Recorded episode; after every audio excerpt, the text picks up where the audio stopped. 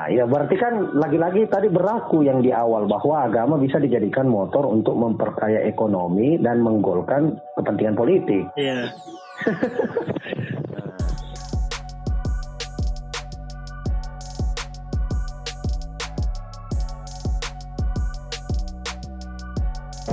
Disclaimer Sebelum kalian membuang waktu yang cukup banyak hanya untuk mendengarkan obrolan gua yang mungkin gak penting-penting banget, perlu gue ingatkan beberapa hal. Pertama, bahwa apa yang gua atau kami bahas dan menjadi topik pembicaraan itu semua belum tentu sepenuhnya benar, mengingat keterbatasan ilmu pengetahuan yang gua atau kami miliki. Kedua, konten yang gua atau kami berikan hanya bersifat opini dan dalam rangka memberikan sudut pandang atau perspektif terhadap suatu hal atau fenomena berdasarkan referensi yang ada, yang belum tentu sepenuhnya juga benar. Ketiga, dengan segala hormat, tidak ada sedikit pun niat untuk menggurui kawan-kawan semua. Semua ini tulus saya suguhkan sebagai pemantik dan diskursus agar membuka ruang diskusi seluas-luasnya untuk kita semua. Empat, mungkin ini konten sensitif, jadi jangan mudah tersinggung dan baper ya. Kritik dan saran sangat gue tunggu sebagai bentuk dukungan dari kalian semua. Dan bisa langsung hubungin gue baik via komen, WA, atau DM IG atau Twitter. Percayalah, gue juga menghindari perdebatan yang gak produktif. Empat, Kesalahan datangnya dari gua, kebenaran hanya milik Tuhan yang Maha Esa. Wallahu alam bisawab. Oh iya, satu hal lagi yang gak kalah penting adalah bahwasanya podcast yang akan lu dengerin ini adalah hasil dari recording gua ketika gua teleponan bareng si Fahri. Fahri adalah mahasiswa S1 Hukum, dia kuliah di Universitas Islam Negeri Makassar dan dia teman akrab gua. Gua sering diskusi sama dia perihal agama dan sosiologi dan fenomena keagamaan lainnya. Jadi dengarkan aja dengan seksama, barangkali kita dapat perspektif baru tentang agama dan lainnya.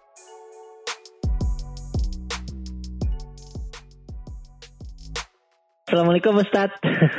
Ya, waalaikumsalam, guru. Iya anjir. Saya Fahri ya, Fahri Afif, bisa biasa dikenal Fahri. Orang Hmm. juga kadang mang- manggil gua Afif gitu. Hmm.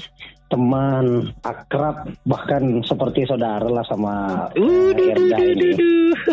Ya, karena sedikit banyaknya Erda banyak mengajarkan gua apa arti hidup. Oh, berlebih-lebihan bung.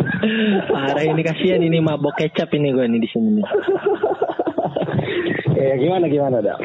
Ada beberapa hal yang pengen gue diskusin bareng lo gitu kan. Ya monggo monggo. ya lo kan eh, cukup terkenal lah kan di dunia persilatan, perdebatan, wacana keislaman di tingkat lokal maupun global ya kan. Jadi Ah, Oh. dari mana? lo sebagai alumni Gontor gitu kan, yang tidak diragukan lagi keilmuannya di bidang keagamaan Dan Yang- kesesatannya. dan kesesatannya mungkin, dan juga eh, lo telah berkiprah banyak di dunia pengkaderan dan keintelektualitasan. Jadi Hmm. kayaknya gue bertanya ke orang yang tepat ya kan. Oke, semoga Nah. tidak mengecewakan audiens. Enggak jadi gue pengen nanya aja sih. Ini basic banget sebenarnya. Ya. Eh, apa sih agama itu gitu? Eh, mungkin kalau kita bertanya apa itu agama ya, kayaknya definisi sebagian mayoritas pakar kan juga mendefinisikan bahwa agama itu pengabdian kita kepada satu zat yang diklaim Hmm. absolut, transenden, yang akan menjadi titik berangkat sekaligus titik kembali kita. Hmm. Cuma kadang pendefinisian agama yang mungkin agak bias ya kalau kita pakai tadi, soalnya ada beberapa agama yang kalau kita belajar sosiologi agama kan ada dua model orang beragama itu, khususnya dalam konsep memandang realitas absolut yang dituju tadi kan. Hmm, apa aja tuh? Ada yang namanya paradigma teologi positif, Hmm. Teologi positif itu adalah agama, ideologi, ataupun kepercayaan yang memiliki konsepsi rasional ataupun konsep abstrak mengenai apa yang dia sembah. Hmm. Nah, sementara di satu sisi ada juga agama yang memiliki paradigma teologi negatif, di mana Tuhannya itu nggak mau digambarin dengan konsep apa pun. Contohnya? Nah, agama Buddha, Hmm. nah itu adalah satu agama Konghucu, Hmm. Tao, Taoisme, intinya kita dianjurkan untuk berbuat baik tanpa perlu memikirkan lagi konsep apa itu Tuhan, apa itu eh, tujuan kita akhirat nanti itu kayak gimana itu nggak usah dipikirin Iya. lagi. Hmm. Jadi kita kalau kita mendefinisikan agama sebagai sesuatu yang orang yang bertuhan itu kayaknya agak bias di bias juga. Makanya mungkin kita akan eh kalau mau lebih akrab dengan agama ada baiknya kita menggunakan pendekatan fisikografi agama. Gimana tuh bahasanya berat banget itu. Kasih ntar muntah-muntah ini pendengar kita. Fisikografi agama itu mungkin lebih kita lihat apa aja sih elemen ele- eh, yang menjadi elemen-elemen dasar penyusun sehingga sesuatu bisa disebut agama gitu. ya, apa tuh misalnya? Hmm. Paling tidak ya kalau kita eh, apa namanya menelaah fenomena orang beragama kan paling tidak agama itu memiliki lima dimensi. Ya, pertama dia itu punya dimensi ideologis, ada doktrin, mungkin kalau bahasa Islamnya akidah gitulah. Akidah. Nah, yang kedua dia memiliki dimensi ritus, ya kan? Kalau Cara ibadahnya, ritualnya ya? ya ritualnya. Terserah ritualnya dalam bentuk praktek seremonial ataupun eh, bentuk pekerja sosial ya, karena ada juga agama yang menganjurkan peribadatan bukan dalam bentuk ritual seremonial lah, melainkan langsung ke praktek sosial gitu. Seperti jakat misalnya. Ya, mungkin bisa. Ya, kalau mungkin bahasa agamanya mungkin syariat lah itu dimensi keduanya kali ya. Iya, iya, Oke. iya. Yang ketiga ada yang namanya dimensi eksperiensial. Hmm. Kalau mau kalau kata pakar sih ada tuh siapa lagi namanya nenek kita ini William James. William James itu di- eh, ada buku yang terkenal, ada teori yang mengatakan bahwa manusia sejatinya itu punya pengalaman keagamaan tersendiri. Nah, ini pengalaman keagamaan, pengalaman keagamaan menjadi dimensi eh, salah satu dimensi untuk mengukur agama itu atau ada, ada atau tidak gitu. Iya. Tapi kan gua gua potong dikit nih. Pengalaman keagamaan itu kan masuknya kalau menurut gua dan referensi yang gua baca itu masuk ke spiritualisme kan. Bukan Ya, ke betul, religionnya. betul, betul. Karena spiritualitas itu berbicara masalah pengalaman roh dan kejiwaan gitu. Cuma kadang Ya. orang tuh bias mendefinisikan religion dan spiritualism gitu. Spiritualitas ya. Hmm. Nah, tapi dalam dimensi agama tadi, ketika kita mendekati fisikografi agama, pengalaman keagamaan juga masuk sebagai dimensi karena orang bisa menghasilkan agama baru, ya kan? Hmm. Itu karena ada pengalaman keagamaan. Iya. Ataupun kita balik, orang bisa masuk agama tertentu Hmm. karena ada pengalaman keagamaan. Iya. Misalkan, gua nih mau murtad gitu kan? Hmm. Ya kal- kali aja kan gue punya pengalaman keagamaan ketemu Yesus gitu misalkan. Iya. Nah, itu itu itu mempengaruhi religiositas gua sebagai orang seorang muslim. Yoi. Jadi pengalaman keagamaan menjadi pertimbangan. Nah, yang keempat itu ada dimensi intelektual bahwa setiap agama itu pasti memiliki dimensi rasionalitas. Dan dia pasti masuk akal kan bisa dibilang. Ya, kalau dalam Islam mungkin kan sering tuh ya ada kredo kenabian yang kita pakai itu agama itu akal dan dilarang orang beragama kalau nggak punya akal. Iya betul. Makanya kan syarat kalau lo mau sholat itu kan ada akil balik kalau nggak kalau gua nggak salah itu kan ya. Akil balik. akil balik itu yang mungkin menjadi titik Tolak ukur, te- tolak ukur Ya, tolak kedewasaan ukur. mungkin ya. Orang boleh Matang beragama berpikir. atau enggak sih. Hmm. Nah, cuma kadang-kadang gini, da- orang tuh salah paham akal balik dimaknai dengan usia biologis atau fakta-fakta biologis gitu Atau kan. atau mimpi basah. Ya, mimpi basah, mungkin menstruasi. Padahal itu sebenarnya keliru. Akil balik itu kan kalau kita lihat secara filosofis, akil itu adalah kemampuan manusia untuk menggunakan piranti-piranti kemanusiaannya dalam hal ini mikir gitu kan. Iya.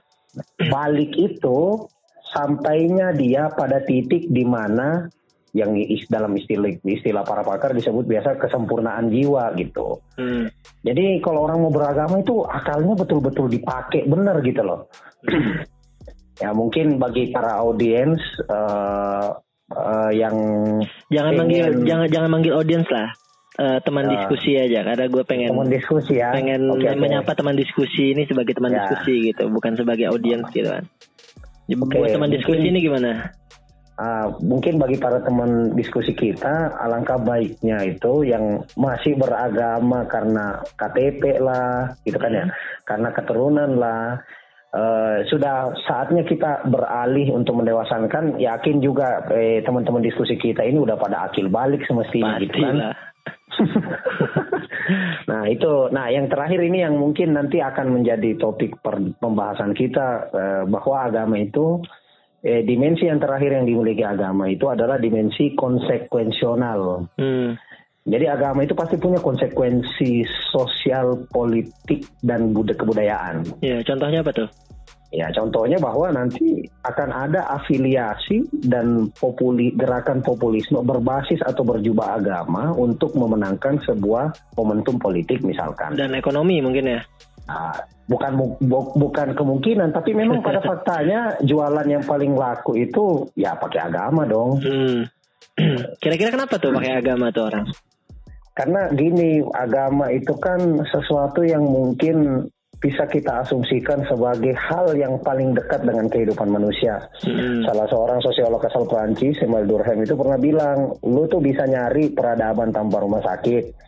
Hmm. Lu bisa nyari peradaban tanpa sekolah, lu bisa nyari peradaban tanpa pasar, tapi lu nggak akan nemuin peradaban kalau nggak ada rumah ibadah di dalamnya. Artinya agama itu pasti ada di setiap peradaban. Minimal kuil ya, kuil atau ya. tempat yang disucikan gitu kan, sakral. Masjid lah, masjid. Mungkin masjid, juga gereja kan, wihara, ya, kelenteng wihara. gitu. Nah, itu semua menjadi figur peradaban. Nah, ini hal yang dekat dengan kita ini terkadang karena kedekatannya manusia kadang itu menonaktifkan secara tidak sadar religiositasnya demi kepentingan yang dekat dengan dia itu. Hmm. Nah, mungkin gue kasih contoh nih, lo misalkan gue misalkan orang yang beragama, hmm. hal sesuatu, gue punya kedekatan yang betul-betul dekat dengan apa yang gue peluk. Yeah. Nah, kita pakai istilah uh, istilah orang pada umumnya, gue tuh sangat dekat dengan si akrab dengan simbol agama. Hmm. Nah, kalau lu mau menjadikan gua sebagai sarana untuk memenangkan taruhlah misalkan pertarungan ekonomi gitu ya yeah. maka hal yang paling uh, yang paling mesti dilakukan oleh orang pada umumnya termasuk lu yang mau memenangkan pertarungan ekonomi ini adalah menyentuh dimensi-dimensi uh, simbol tadi karena ketika lo lo mengambil simbol tadi sebagai sarana untuk menjalankan praktek uh, oligarki atau menjalankan eh, sebuah suksesor untuk memenangkan politik, itu gue nggak akan mikir lagi. Maksudnya gue pasti akan memikir, oh ini bela agama, oh ini demi jatuhnya ke sana ya, ya. Jatuhnya ya. kita malah ibaratnya mem mem membeli apa yang mereka jual soal dengan tidak sadar gitu kan. nah, kan. Jadi kita seolah kehilangan kesadaran. Nah itu nah. tadi juga gue nyambung dikit nyambungin tadi agama itu dekat dengan kita. Sebenarnya kalau kita buka bukunya buku Sapiens ya itu judulnya Yuval Noah Harari itu bilang ternyata agama itu tuh walaupun belum belum terbentuk secara formal ya. Agama hmm. itu atau kepercayaan itu sudah ada sejak zaman Sapien dulu berburu ya. dan mengumpul gitu loh. Artinya hmm. manusia purba pun dulu memiliki pengalaman spiritual tersendiri seperti apa namanya? Dulu mereka bilang itu dewa shaman gitu kan. Dewa hmm. yang memberikan banyak sumber daya alam di sekeliling mereka gitu. Nah, okay. artinya dari dulu pun sebenarnya orang sudah berkecenderungan ingin berkepercayaan kan kalau kata ya. siapa guru siapa? Cak Cak siapa? Cak Nur ya. Cak Nur ya Cak iya, Nur. Iya. Guru kita itu, Pak. guru kita. Guru, guru umat umat apa ini kita? Guru-guru bangsa. Guru bangsa begitu tepatnya. Lanjut ya, kamu nyambung. Memang tadi uh, yang uh, Erda bilang tadi itu itu emang dikemukakan juga oleh beragam teori sosiologis misalkan perkembangan manusia hmm. uh, dari kalau kata Comte kan ada tiga yaitu ya mitologis, filosofis dan positivis. Yeah.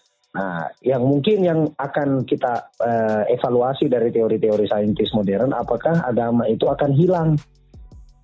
Uh, kan itu yang menjadi pertanyaan yang menjadi perdebatan para sosiolog nah sosiologi terbagi jadi dua nih ada yang dukung bahwa semakin modern dunia akan semakin kehilangan dimensi metafisik dimensi ritus itu akan hilang jadi nanti semakin abad 30 ke depan itu udah nggak ada agama Itu nah, versi siapa tuh? Ahlinya siapa tuh tokohnya tuh?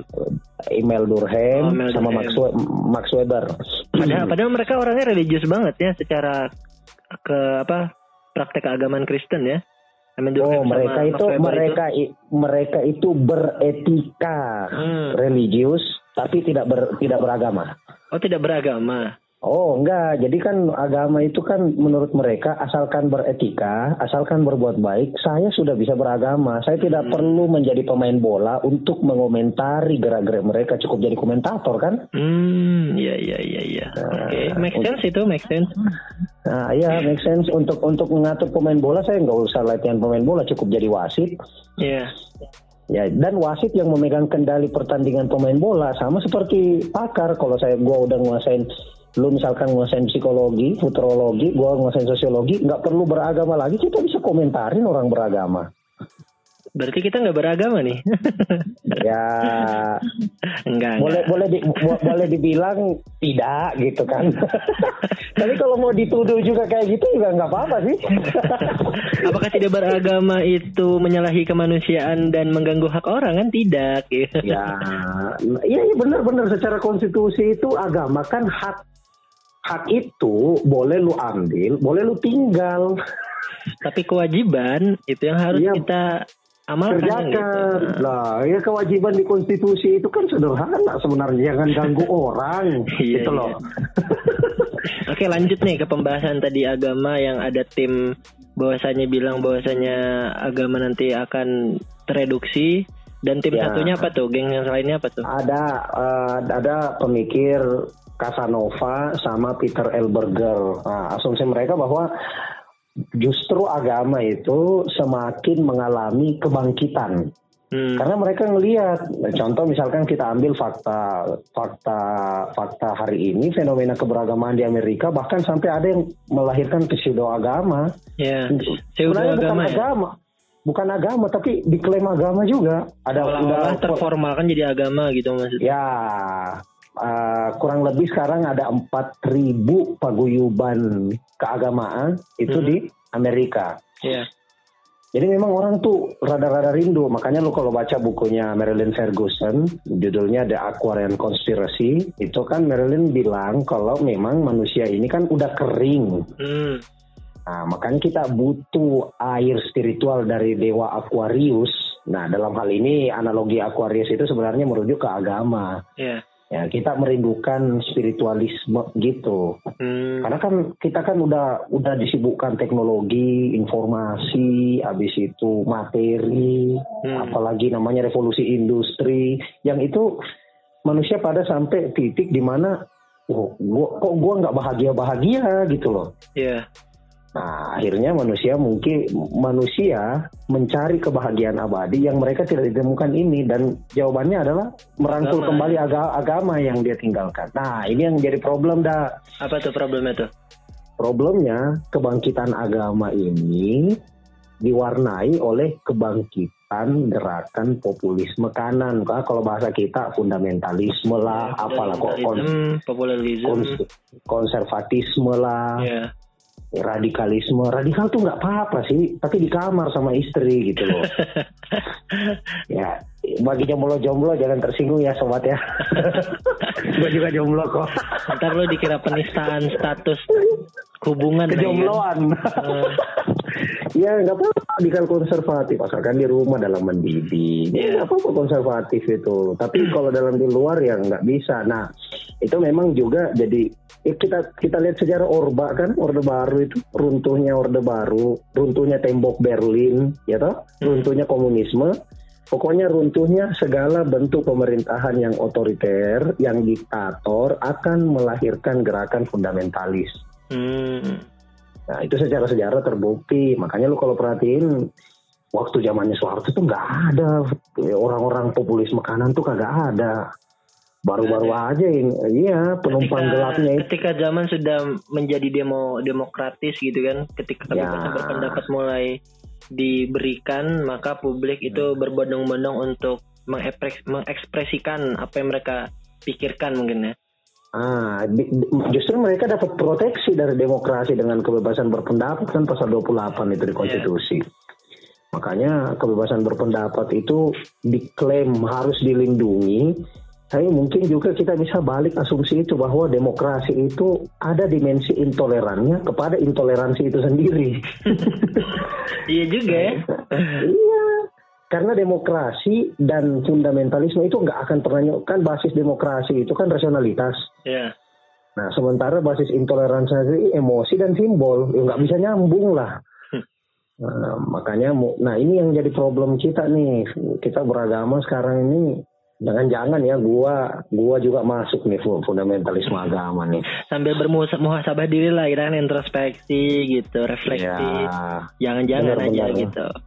Ya, emang eh, kalau sobat-sobat tahu nih kawan-kawan diskusi nih, Erda nih ustaz gua nih by the way. Hei, jangan ganti disclaimer nanti.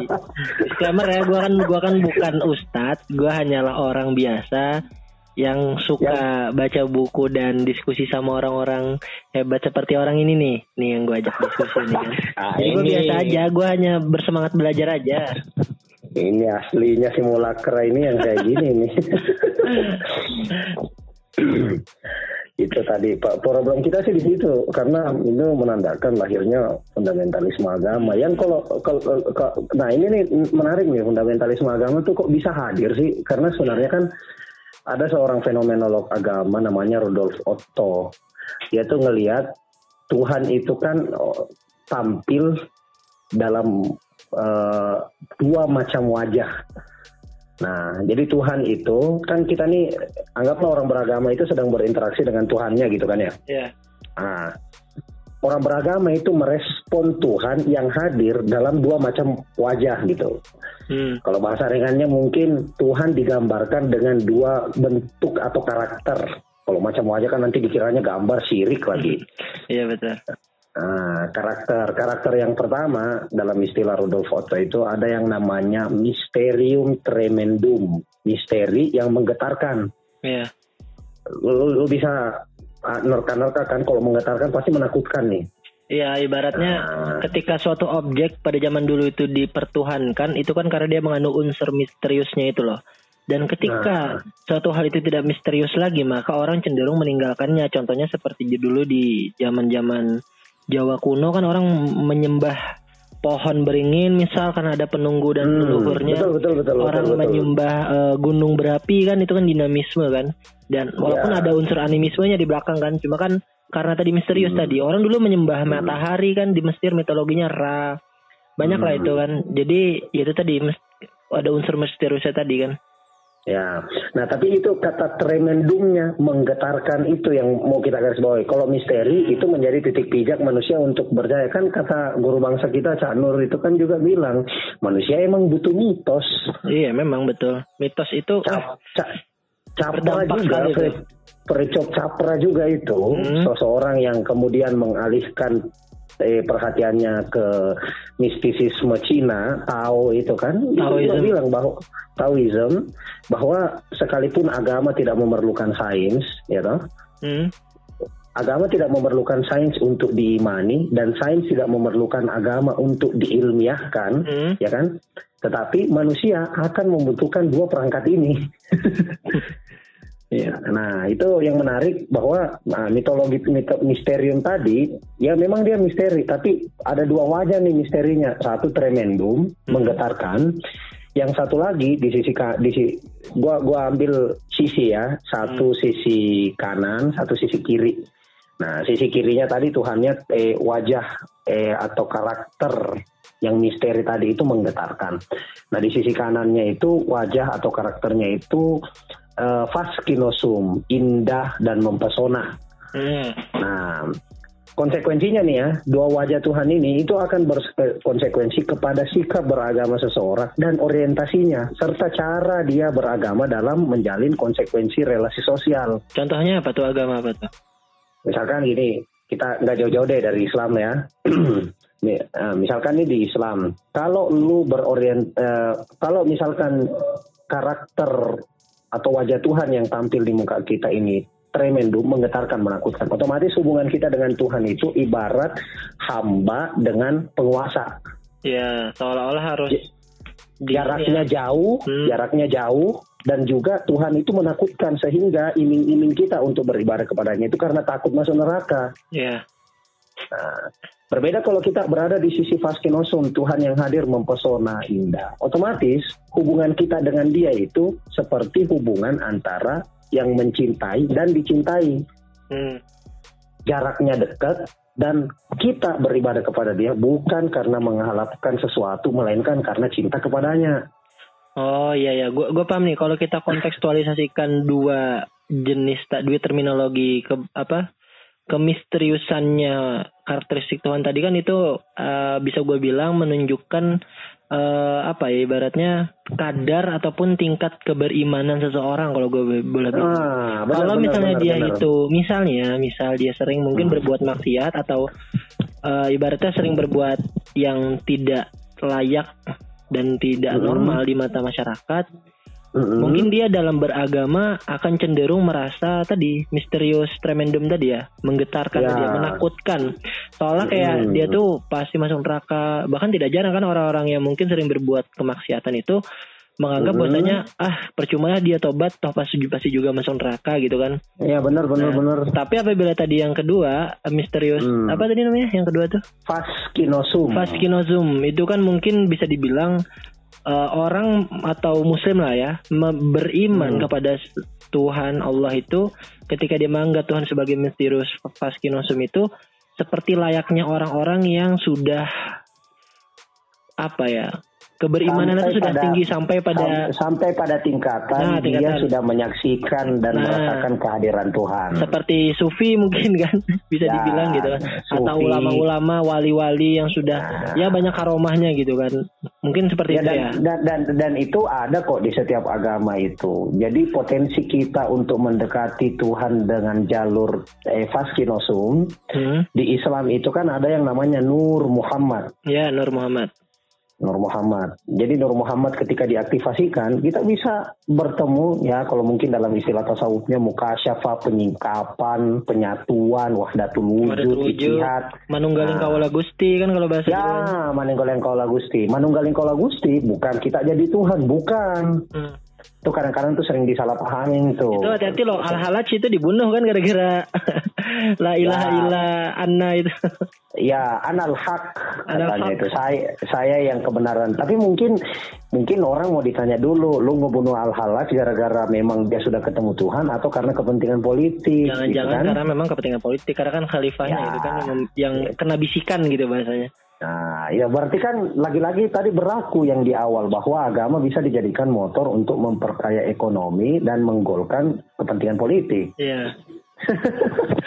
nah, jadi itu, nah, lo tadi benar, maka kalau lo mau lihat radikalisme fundamentalisme agama, sudah jelas paradigma agama wajah Tuhan yang ditampilkan itu yang mana kan kita pasti udah tahu. Sudah tahu itu. Nah, makanya Rudolf Otto lanjut bahwa agama itu punya dua watak. Tadi kan Tuhannya nih yang digambarin. Hmm. Nah, sekarang agamanya punya orientasi dari konsekuensi bertuhan seperti tadi. Hmm. Kalau Tuhannya menakutkan, orientasi agamanya itu bernama nomos, hukum. Hmm. Pokoknya agama itu diidentikan dengan benar, salah, benar, salah, sesat, benar, masuk hmm. neraka, surga. Itu aja itu orientasinya nomos. Sementara yang satu, yang Tuhannya itu mempesona, indah, dan mencintai, orientasi beragamanya eros, cinta. Cinta ya, eros cinta. Ya, berbuat baik, mendatangkan manfaat, membahagiakan orang di sekitar kita. Itu kan? Kasih baik terhadap uh, dunia sosial ya. Ya, dunia sosial yang dia tahu bahwa dunia sosial ini akan menghantarkan saya kepada yang maha realitas absolut tadi. Hmm. Nah, ini juga mungkin menjadi refleksi ya buat yeah. buat kita untuk mungkin kita diskusin sama-sama bahwa memang kalau orang beragama ya khususnya tadi karena kita lu tau nggak sih kenapa sih orang bisa jadi radikal itu tau nggak? Kenapa tuh kira-kira? Menurut Nur Huda Ismail itu ada tiga ledel cocktail. Ledel cocktail itu tiga campuran api yang bisa lu kalau jadi campuran ini meledak deh. Analoginya seperti itu ya. Ya, ledel koktail. Nah, tiga campuran api ini pertama individunya termarginalkan. Hmm. Yang kedua, yang yang kedua ada komunitas yang memberikan sarana dan pembiayaan. Hmm. Yang ketiga ada ideologi yang dijadikan pembenaran. Oh, udah udah udah kelihatan ya kayaknya kalau kita kontekstualisasi kontekstualisasikan ya. dalam keberagamaan di Indonesia gitu kan. Ya, coba coba coba coba dulu. Aduh. Tapi ya apa jam, di uh, di samping itu ya, gue ini pemikiran radix gue berkaitan dengan agama ini bukan berarti gue menafikan agama ya dalam dalam arti yang sempit gitu. Ya gue memandang bahwasanya jangan-jangan gitu ya agama ini uh, seperti kata Karl Marx kan agama itu candu, candu. gitu. Orang jadi kecanduan. Karena apa? Karena kalau kita lihat kalau kita angkat fenomena hijrah ya, ini sorry to say ya, fenomena hijrah ataupun yang lain. Tunggu dulu, tunggu dulu, tunggu dulu nih, sobat-sobat dan kawan-kawan teman diskusi kita, kita, teman diskusi ini ada yang hijrah nggak nih? eh, by the way guys, gue juga gue juga hijrah loh nih. gue juga hijrah, gue juga hijrah. Iya, hijrah dari yang hijrah dari yang beragama menjadi kotor banget dia sekarang. enggak, enggak, enggak, enggak. Kayak gini, gue gue lanjutin ini. Maksudnya agama itu kenapa menjadi kemudian menjadi candu? Itu karena hmm. mostly orang-orang yang memilih jalan untuk hijrah, jangan-jangan hmm. dia itu hadir di dalam suatu kondisi hmm. psikologis dan mental yang sangat tertekan, sehingga ya. agama hanya dipandang sebagai obat psikologis bagi si konsumennya nih loh. Ya, ya kan pelarian. Kan? Nah, betul. Pelarian itu yang menjadi bahaya kan, menjadi bahaya. Ya. Jadi obat hanya obat psikologis semata sehingga hmm. dia merasa tenang gitu. Ibaratnya apa bedanya sama heroin, sama ya. obat-obatan dan minuman beralkohol gitu kan? Aspirin, aspirin nah, gitu maksud, kan. Maksudnya Karl Marx mungkin mengkontekstualisasikan kan pada dampak keberagamaan yang mungkin kurang apa ya? Bisa dikatakan kurang komprehensif lah memahaminya gitu kan bukan dalam artian ya. agama itu candu kan bukan Cuma kan ada bukan agamanya, bukan agama cuma yang menjadikan agama. Betul, hmm, yang menjadikan agama itu candu. Makanya kan kabar Mas juga bilang agama ini ini ini, kan... ini ini ini gue lanjutin dikit nih sebelum lupa nih kan. Nah, hmm. konsekuensi dari apa yang gue bilang tadi adalah ketika orang ber, uh, memilih jalan agama ataupun memilih hmm. dalil atau ayat tertentu dalam berkehidupan secara sosial, yang dalam hal ini hmm. posisinya melemah ya orang ini, yeah. maka dia cenderung itu tadi ikut hijrah Coba lu ya. pikir nih, ada banyak uh, ada gium ataupun kata kalimat-kalimat yang dikeluarkan oleh sobat-sobat sobat gurun ya. ya, ya seperti kayak misal misal seperti nikah muda ya kan. Jangan-jangan nikah ya. muda itu hanya untuk uh, mempermudah apa ataupun mempercepat nafsu birahi mereka. Jangan-jangan gitu kan. Terus yang yang kedua ya, kayak kayak kita nih disuruh hijrah kemudian pakai cara lu lu, lu entar dulu. Lu, lu, lu mau nikah muda juga nih jangan-jangan. ya, enggak enggak. Gue kan kalau ada rezekinya aja ketika ikhtiar sudah bertemu dengan takdir ya kan gue akan gas itu gitu. Wow, maksudnya gue kan ini ini autokritik juga buat sobat-sobat ya. teman-teman diskusi kan. Maksudnya hmm. jangan-jangan motif hijrah ini hanya untuk menutupi kelemahan aja gitu ketika sebenarnya kita ini mampu untuk berikhtiar ketika mereka tidak mu, tidak mampu memutuskan untuk menutup dimensi ikhtiarnya untuk ya. berusaha lebih giat lagi dia memakai apa ya bertumpu pada bantal hijrah itu loh untuk ya. melakukan untuk tiba dalam kondisi zona nyaman gitu. Yaudah gue hijrah, yaudah gue berdoa aja. Tapi kan doa kan tidak tidak menimbulkan suatu ikhtiar yang yang berguna sangat banyak ketika kita memang tidak mengikhtiarkan gitu loh. Nah itu maksudnya otokritik gue gitu. Oke nih lu lu boleh berdoa sampai mabok siang malam tapi kan ketika lu tidak melakukan apa yang lu doakan ya sama-sama aja nol. Ya dari nol gitu kan kayak channel gua gitu bohong bohong bohong aja orang iya, itu kalau aja. berdoa tanpa ikhtiar. Seperti misalnya kita berdoa kan siang malam di Monas misalkan untuk mengubah sistem pemerintahan. Tapi kan kalau menjadi khalifah menjadi khilafah gitu. tapi kalau tidak dilakukan sesuai dengan prosedur politik ya akan kesulitan gitu kan kita. Ya. Aduh. Itu itu kontekstualisasi gua, gua, gua, gua, gua sering doa di Monas lo gimana ini? Enggak itu kontekstualisasi kan, aja bagi gua gitu. Gua gua gua, gua sama Monas Limin soalnya. kan misal. Ya, Oke, okay. nah tadi menarik uh, bahwa kalau memang kita asumsikan, gue gue pengen nanya dulu nih kalau nih fungsinya agama tuh apa sih untuk fungsinya agama dah? Fungsi agama itu kalau secara objektif gue lihat di dalam tata enggak, enggak, yang lu lihat, yang lu alamin, yang ya, lu alamin. yang gue alami, agama itu sebagai uh, apa ya sarana ataupun maps kita dalam dalam um, mengarahkan kita kepada suatu nilai moralitas gitu.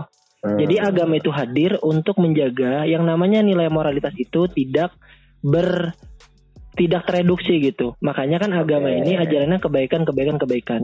Kan gua memahami agama itu sebagai dampak gitu loh, bukan sesuatu yang sangat menguasai hajat hidup kita enggak. Makanya yeah. ada ya. agama kan untuk menuntun orang terhadap rel moralitasnya itu loh. Ketika orang hmm. tidak beragama, mungkin ya dulu mungkin bakal banyak kejadian-kejadian yang mungkin melanggar moral.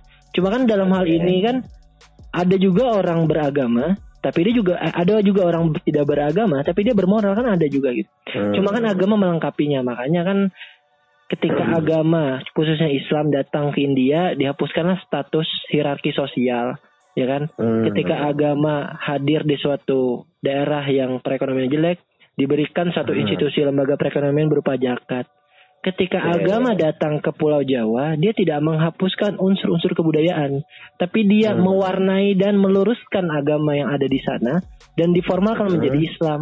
Sehingga gue pandang Islam itu ke Indonesia dia tidak datang, tapi dia sudah ada. Namun nilai-nilainya yang sudah ada itu diformalkan menjadi agama Islam gitu. Makanya Islam. Wali Songo itu Sunan Kalijaga berdakwah itu tidak menghapuskan unsur kebudayaan berupa wayang gitu loh. Hmm. Ya kan? Artinya benar, kan benar, benar. artinya kan Islam itu menjadi benar-benar rahmatan lil alamin ketika hadir di Indonesia. Nah, ini menjadi fenomena yang unik ini. Nah, kok ada maksud, sekarang maksud orang gitu. yang kok ada orang yang beragama terus harus mengasingkan diri dari budayanya gitu loh.